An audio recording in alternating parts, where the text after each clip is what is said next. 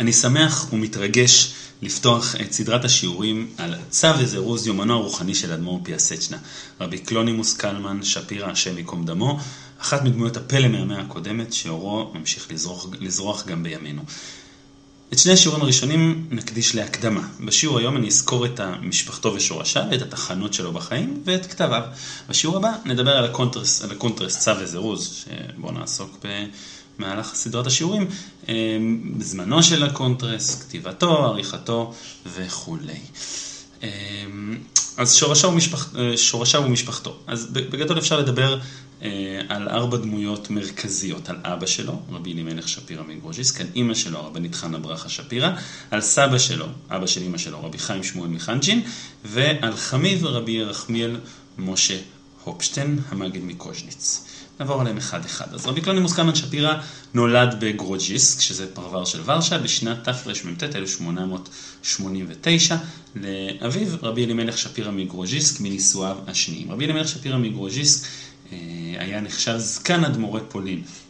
הייתה לו חצר גדולה בגרוז'יסק, ושם בעצם גדל רבי, רבי קלונימוס קלמן, ובהמשך נולד גם רבי ישעיהו.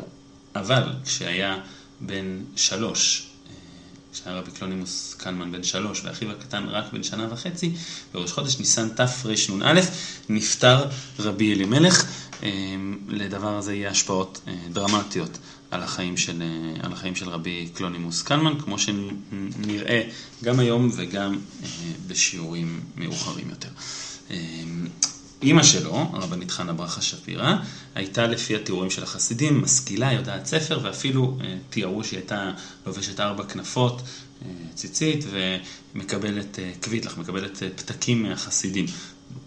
הרבנית, הרבנית חנה ברכה שפירא נשארה בחיים עד תחילת השואה. ונפטרה בז' חשוון תש. עליה כתב האדמו"ר פיאסצנה, אשר עבדה את השם בכל יכולתה, בלב ובנפש, מתוך ומתוך יגיעה רבה, גידלה את בניה לתורה, ששני דברים חשובים היו לו לומר על, על, על אימא שלו, אחד שהיא עובדת השם בכל יכולתה, כן, שעבדה את השם בכל יכולתה, בלב ובנפש, ודבר שני, שהיא גידלה את בניה לתורה מתוך יגיעה רבה. זה מתחבר לאיך האדמו"ר פיאסצנה תופס את תפקיד האישה בעם ישראל באופן כללי, דבר שלא נספיק לעסוק בו כיום. זה היה, זו, היה, זו הייתה הדמות השנייה, הרבנית חנה ברכה שפירא, הדמות השלישית, סבא שלו, רבי חיים שמואל מחנצ'ין, שהיה גם מעורב, כפי שנראה, בגידול הילדים.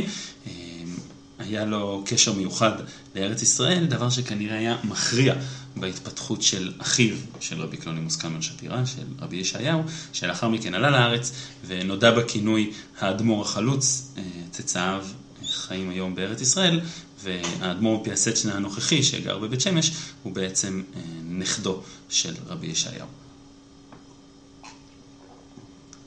רבי קלונימוס התחתן בגיל 15 עם רחל חיה מירם הופשטיין, הבת של רבי ירחמיאל משה הופשטיין, המגיד מקוז'ניץ. רבי ירחמיאל משה, המגיד מקוז'ניץ, היה בעצם גם נכד של רבי אלימלך שפירא מנישואיו הראשונים. כך שלמעשה רבי קלונימוס קלמן התחתן עם הבת של האחיין שלו. כן, כמובן שהיה מבוגר יותר ממנו, כי הנישואים הראשונים של רבי אלימלך שפירא היו הרבה הרבה שנים לפני זה. בכל אופן, אז ראינו ככה על קצה המזלג את ארבעת הדמויות המרכזיות שאפשר להחשיב אותן כשורשיו, כדמויות שהשפיעו על גידולו של רבי קלונימוס קלמן שפירא, אבא שלו, שבעצם היה נוכח נפקד בחיים שלו, כי הוא נפטר בגיל שבעצם הוא לא הספיק להכיר אותו, כפי שרבי קלונימוס קלמן מתאר בעצמו בקונטרס צו וזירוז, בקטע שנראה בהמשך. אימא שלו, רבנית חנה ברכה שפירא, סבא שלו רבי חיים שמואל מחנצ'ין, וחמיו רבי ירחמיאל משה. אני חושב שאפשר ככה לזהות או לאפיין מעין אפשר לומר שתי דמויות אב אצל אדמו"ר פיאסצנה, כן, אבא שלו הממשי, שבעצם, כמו שאמרתי, הוא סוג של נוכח נפקד, הוא נפטר עוד לפני שהוא הספיק להכיר אותו.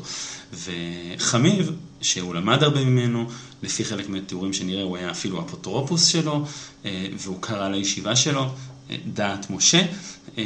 אני חושב שיש סיפור יפה שממחיש את זה, שלפני שנתיים ראיינתי את יעקב גשייד. יעקב גשייד הוא בן של נחמן גשייד, שהיה חסיד של אדמו"ר פייסצ'נה עוד בפולין, והיה עשיר גדול בפולין, עלה לארץ, היה ממקימי קריית אתא. הפסיק להיות עשיר גדול, זה סיפור ידוע, אבל הבן שלו, יעקב גשט, חי היום בירושלים, אדם נחמד מאוד, ולפני שנתיים ראיינתי אותו בירושלים, והוא סיפר סיפור יפה שממחיש ככה את היחס בין... אה, בין אדמו"ר פיאס, בין, בין אבא שלו לבין חמיו. כך, כך אומר יעקב גשייט בשם אבא שלו נחמן גשייט. אבא שלי סיפר, כך אומר יעקב גשייט, שיש כאלה שמקפידים, כשאוכלים דגים נוטלים מים אמצעיים. אבל יש חסידים שלא מקפידים על מים אמצעיים. כן, זו שאלה האם צריך לשטוף את הידיים באמצע הארוחה אה, אחרי שאוכלים דגים. אוקיי, אז אבא שלי סיפר שבגרוז'יסק לא הקפידו על מים אמצעים, ובקוז'ניץ כן הקפידו. אז הוא מצד אחד רצה לנהוג כמו אבא שלו, שלא הקפיד על מים אמצעים, מצד שני לא רצה לנהוג אחרת מהשוור, מהחותן שלו. אז היו מביאים, ככה מספר רב אה, נחמן גישל, היו מביאים קערה, והיה טובל ידיים. ויעקב גישל מסב ממשיך שהוא נתן לאבא שלי מתנה לחתונה קערה בשביל המים האחרונים, אולי אה, גם אה, מים, מים אמצעיים. בכל אופן, מעניין, כן, ש... ש... שהוא מנסה מצד אחד, כן, ההנהגה החסידית הזאת, אני חושב שהיא ממחישה איך מצד אחד הוא רוצה שאביו, שהוא לא הכיר, אבל היא מהווה איזה מודל שהוא לא רוצה לא, לא רוצה להמשיך אותו, מצד שני חמיב שהיה נוכח. אה, אז כן, אז רבי קלונימוס חש אה, קרבה והזדהות עם שתי הדמויות האלה, ואני חושב שלפחות הוא, הוא בהרבה מקומות אפשר לראות איך הוא, איך הוא אה, חש שהוא ממשיך דרכם של שתי הדמויות האלה. רואים את זה גם במקורות שהוא מביא בספרים שלו, בעיקר בספרי הדרשות, הוא מביא הרבה מאבא שלו והרבה גם מחמיב, זה שני הספרים אולי הכי מצוטטים, זה שני הכותבים הכי מצוטטים אצלו. בדרשות. אמ, האמת שגם כשהוא היה חותם בחתימה שלו, הוא גם היה חותם אה, בצורה אה, שמכניסה את אבא שלו ואת חמיב אה, ביחד. נגיד, אני, אני מצטט מה, מההזמנה לחתונה של הבן שלו, אז הוא מסיים את ההזמנה וכותב, דברי אוהבכם וידיד נפשכם, המצפה לקראת בואכם לשלום מתוך שמחה וישועה, קלונימוס קלמיש, בן הבהץ, בן הרב הצדיק, הקדוש מוהר, כן, מורנו ורבנו הרב, אלימלך זצלה מגרג'יסק. וחתן האץ, הרב הצדיק, הקדוש, מוהר, כן, מורנו ורבנו הרב רבי, ירחמיאל משה זצלה מקז'ניץ. זאת אומרת, ממש הוא שם את אבא שלו ואת חמיב באותה צורה, הרב הצדיק, אה, זצלה, וזה הייחוס שלו אה, משניהם, אה, גם אבא שלו וגם חמיב. אה, אפשר, אפשר מהדמויות ש, שראינו, אפשר לראות עוד כל מיני דברים מעניינים ש, שקשורים להשקפתו ולתפיסת עולמו של, ה, של רבי קלונימוס קלמן שפירא. לדוגמה, אה, למרות שהיה חבר באגודת ישראל, הוא תמך באופן חיובי בעלייה לארץ ישראל ועודד חסידים שלו, יש, לכן יש לו, יש לו כמה וכמה חסידים שעלו לארץ בעידודו עוד לפני השואה, אה, וזה כמובן קשור למה שהיה בבית חנצ'ין, שהיה מקום שתומך ישראל, אבל גם בבית קוז'ניץ, אה, שהיה מקום עם הרבה הרבה אה, אהבה ואהדה לארץ ישראל, כמו שאפשר לראות כאמור בספר של מלכה שפירא, מדין לרחמים, מלכה שפירא היא הבת בת נוספת של רבי יחמיאל משה אופשטיין, היא כתבה את הספר מדין לרחמים, אחד הספרים שהיא כתבה, ושם היא, היא מתארת את, ה, את החצר של אבא שלה, ספר מומלץ מאוד, אה, ושם אפשר לראות גם את, החיבה לארץ ישראל. אה, כאמור, את ההשקפה של אדמו"ר פסט על, על עולמה של האישה אפשר לראות מאימא שלו וגם מאשתו, אה, כפי שאולי נגיע. יש עוד דברים ש, שאפשר לזהות אותם באופן מובהק, מגיעים מהדמויות האלו, כמו עמלת העבודה בהתבודדות, או ענייני תפילה, עבודת השם עכשיו במעשה. אה, לדוגמה, אה, אבא שלו אה, הדגיש מאוד את הערך של סעודה שלישית, וגם האדמו"ר מפי הסשטר מדגיש, כפי שנראה בקונטרס שלנו, המעורבות בעולם הנגינה, שזה דברים שבחנצ'ין שמו דגש גדול, ואחרי זה גם בקוז'ניץ, ועוד ועוד דברים. יש, יש, אני ככה רוצה להוסיף עוד אולי שני דברים שאפשר ללמוד מה... מהשורשים שלו. אחד, זה הייחוס. זאת אומרת, הייחוס בכלל זה, זה, זה נקודה אה, אה, ככה רגישה או משמעותית בחצרות חסידים באופן כללי. הייחוס הוא משמעותי מאוד, ונותנים לו מקום, וכל מקום שהאדמו"ר מתאר מי הוא, הוא גם מתאר מי הם אבותיו ואבותיו, ויש הנחה בעולם החסידות, לפחות ברובו, שלייחוס יש משמעות, הוא מעיד על משהו, הוא מלמד על משהו, הוא נותן עוצמה וכוח לדמות הקיימת שיש לה ייחוס. מצד שני, אדמו"ר פיאסצ'נה והוא באמת, אדמון בזטן באמת אה, מתאר את הייחוס של עצמו, כשהוא מדבר על הבן שלו, כפי שנראה, אז הוא מתאר גם את, ה, את הייחוס של הבן שלו כמשהו בעל משמעות וחשיבות. מצד שני, אדמון בזטן מדגיש, אה, לדוגמה בחובת תלמידים, אה, שגם אם אין לך ייחוס, אתה יכול להיות גדול בישראל, כן, שבעצם שם הוא אומר, אני, כן, כאילו אני אדמון בזטן, יש לי, אני גדלתי עם כפית זהב בפה, או עם, לצורך העניין, גרטל זהב על המותניים, אבל אבל זה, זה, לא, זה לא אומר, זה לא, זה לא דבר, זה לא מה ש... אה, אם אין לך את הייחוס, זה לא אומר שאתה לא מסוגל אה, לעלות. החבר זה דווקא אומר את זה כשהוא מודע לחשיבות ולערך של הייחוס. זה דבר אחד שרציתי ככה לציין. דבר שני, עוצמת השבר. זאת אומרת, מבחינת אדמו"ר פיאסצ'נה, הוא נולד לאדמו"ר גדול, רבי אלימלך שפירא, מגרוג'יסק, שהיה אמור, הוא היה אמור ללמוד ממנו הרבה, להתפתח, להיות צמוד אליו, לאחוז ממנו, ובגיל שלוש הוא מאבד אותו. כך שחוויית הבסיס שלו היא של מציאות מתוקנת וטובה שנאבדה. ואז צריך לה, כאילו ליצור מחדש את, ה, את, ה, את העולם. אני חושב שזה דבר שאפשר למצוא אותו אצל אדמו"ר פייססנה בעוד מקומות, שתודעת ה... היא היה מציאות שלמה, כן? אה, היא נשברה מאיזה שהן סיבות, לא, לא מסיבות שתלויות בבן אדם בהכרח, ועכשיו צריך ל, אה, ליצור מחדש. עכשיו, זו תפיסה שיכולה להיות נכונה בלי קשר לחיים האישיים של האדמו"ר פיוסטמן כמובן, כי עצם זה שהעולם... אה, בתקופתו, לצורך העניין, חווה את מלחמת העולם הראשונה וקורס, אז יכול להיות מספיק בשביל ל- ל- לתפוס ככה, אבל, אבל זה מתחבר מאוד לחוויית החיים האישית של מור פסטנה, או לחוויית החיים הבסיסית שלו, מילדות, מגיל שלוש, הוא כבר יש לו את החוויה של אה, היה פעם משהו טוב, הוא נשבר עוד לפני שהספקתי ליהנות ממנו, ועכשיו צריך לבנות את הדברים מחדש. גם הקשר אה, המיוחד מאוד של אדמו"ר פסטנה עם הבן שלו, כפי שנראה בפרקים, באחד מהפרקים האחרונים אה, של הסדרה שלנו, אז הוא קשור לקשר עם אבא שלו הנוכח נפקד, וזה אנחנו כבר נתעסק כשנגיע לשם. אז עד עכשיו דיברנו על אה, שורשיו של אדמו"ר פשטנה ומשפחתו.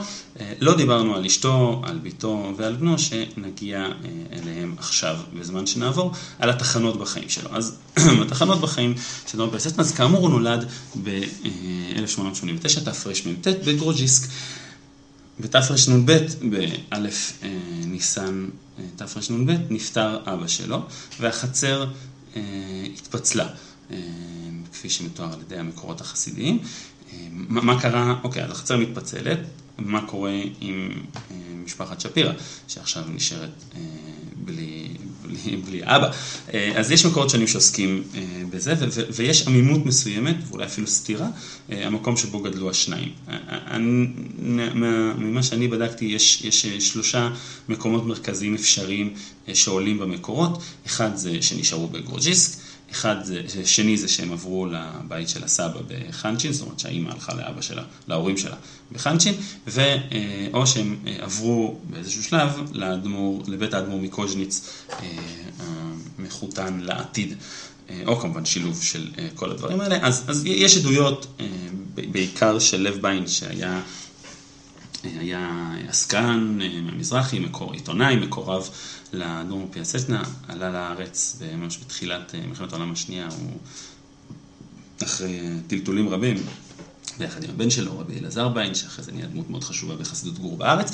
בכל אופן, אז לב ביין אה, אומר אה, בצורה מפורשת שהוא נשאר בגרוז'יסק אחרי הפטירה של אבא שלו. אמנם יש עדויות אחרות, לדוגמה ביומנים של חווה אופשטיין, שהיא בת אחרת של רבי ירחמיאל משה, שעלתה לארץ ויש לה את היומנים שלה בארכיון של כפר חסידים, הייתה ממקימי כפר חסידים ביחד עם אח, אח שלהם, שזה עוד בן של רבי ירחמיאל משה שהיה הקים את חברת עבודת ישראל, מהקבוצות שהקימו בסופו של דבר את כפר חסידים. בכל אופן, ביומנים של חווה אופשטיין היא מעידה כי אבינו ז"ל היה אפוטרופוס של שני הבנים האלו שנולדו לאבי הסבתא מאשתו השנייה.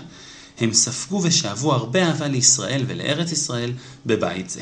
אז חווה אופשטיין אומרת, אבא שלנו היה אפוטרופוס של הבנים האלה.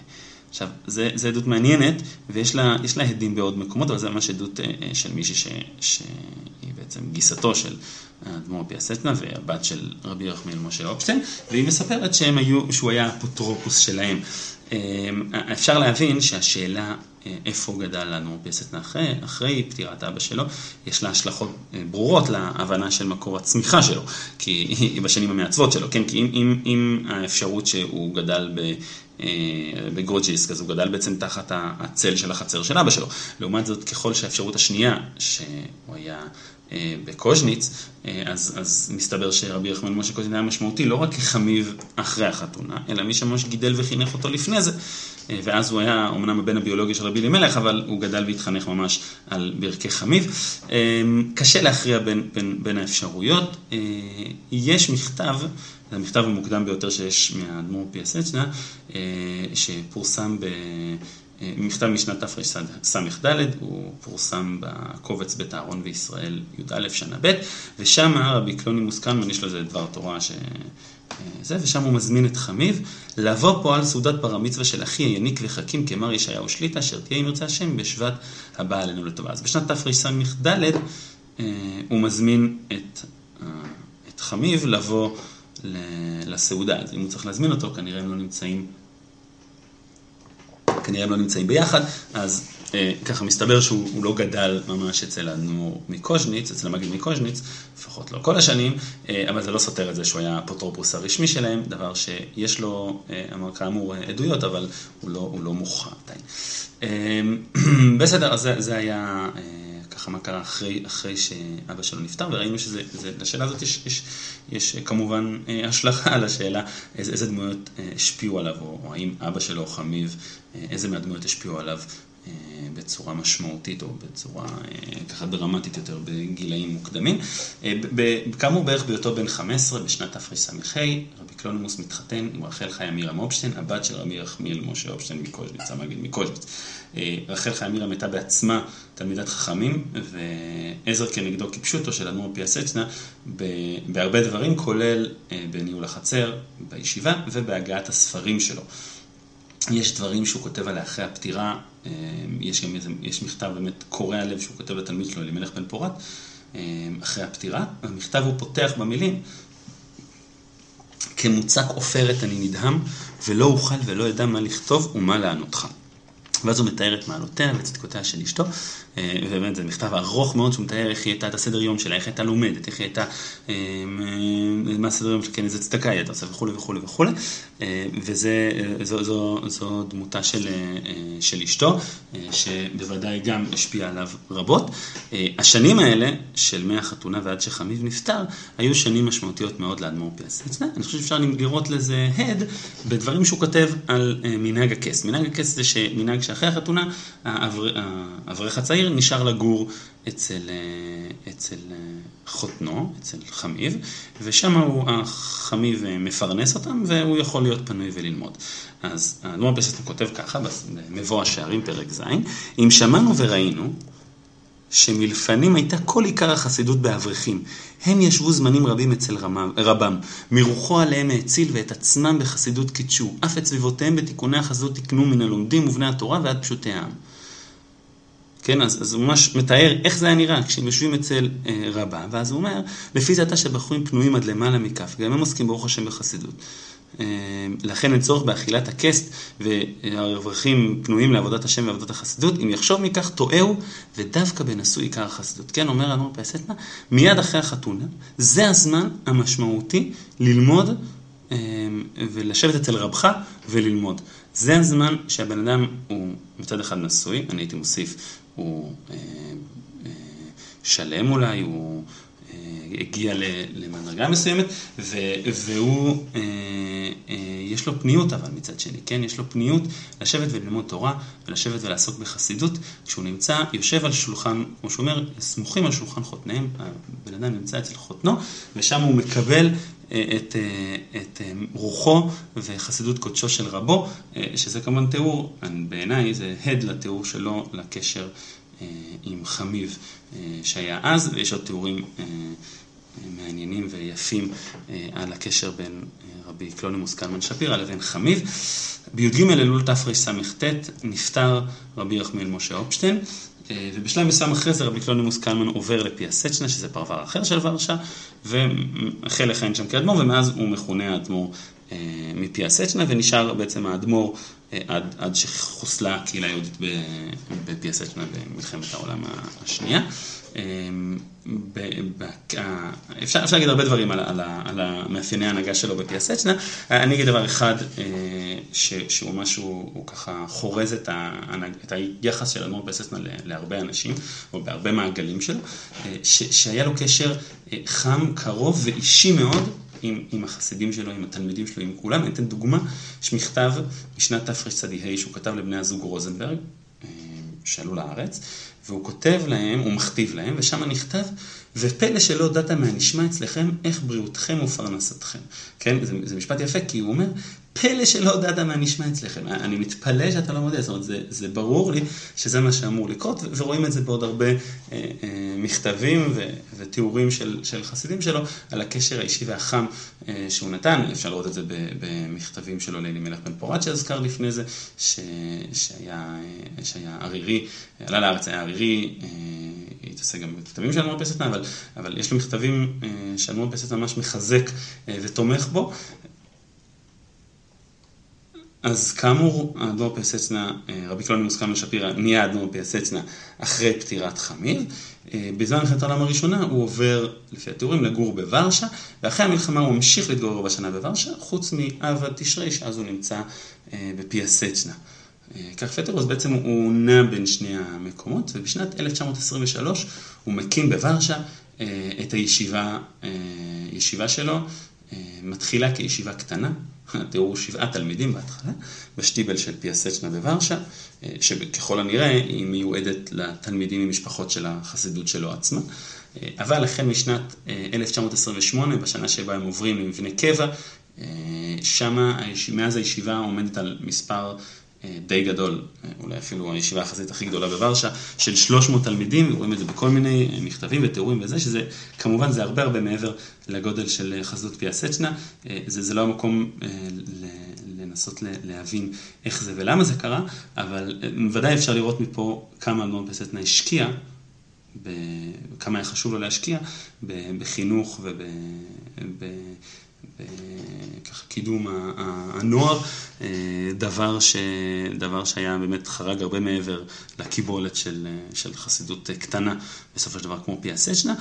השנה הזאת, שנת 1928, 29 וכולי, הייתה שנה, שנת מפנה. אנחנו נראה את זה בכמה מקומות בקונטרס צו וזירוז. היה, גם היה דברים פיזיים, כמו התרחבות הישיבה, או משבר כלכלי גם היה, וגם היה תהליכים משמעותיים פנימיים אצל אדמו"ר פיאסצ'נה עצמו, וחלקם אנחנו נראה כאמור בקונטרס עצמו, בהמשך השיעורים שלנו.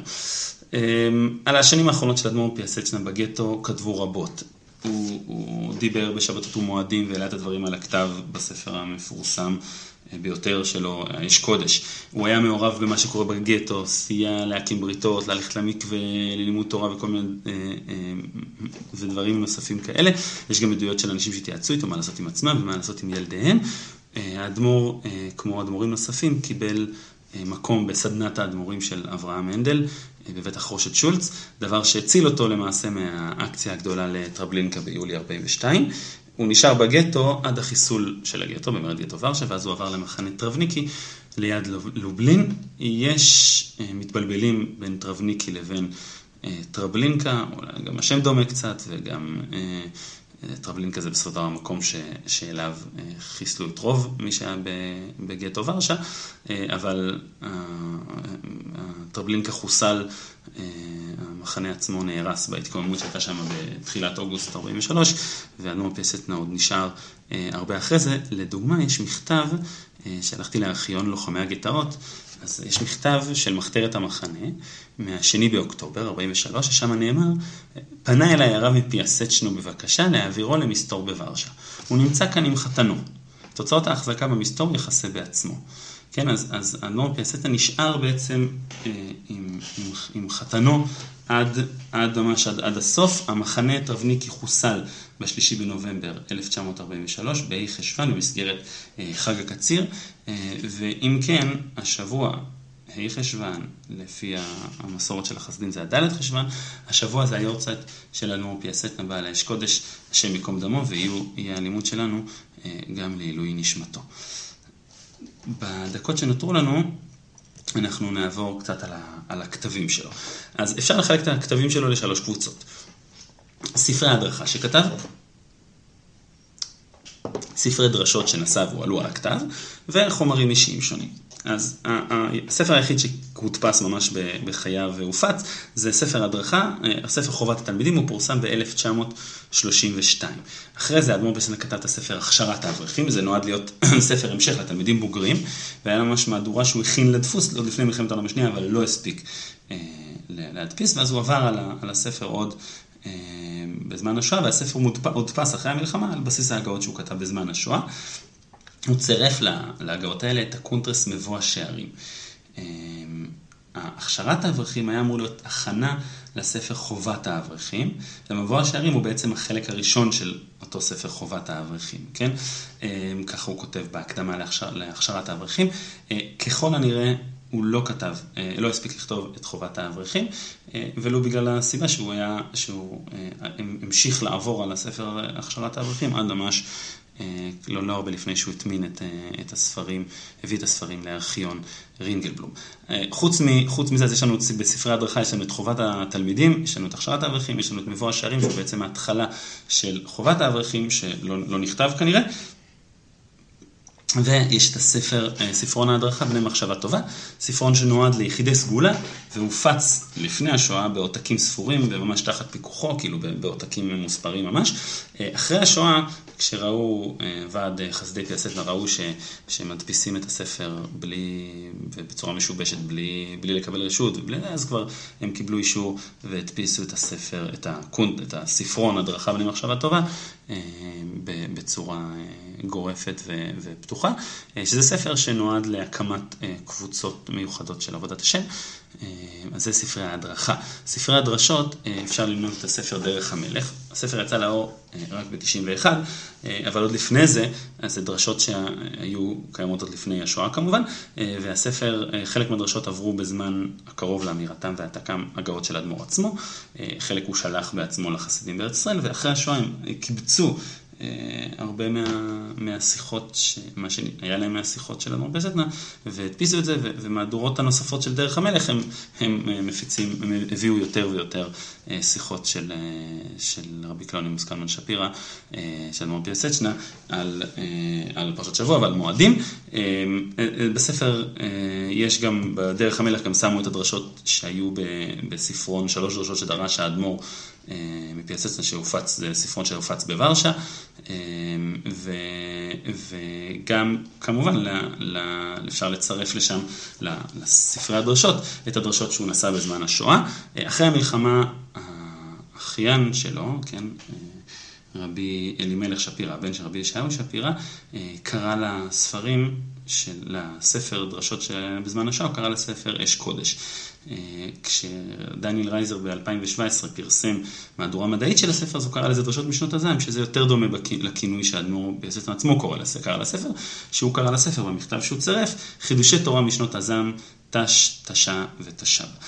זה ספרי הדרשות שלו, דרך המלך והדרשות, כלל הדרשות שקיבצו שם, והאש קודש, או דרשות משנות הזעם, שזה הספר הדרשות אה, בזמן השואה.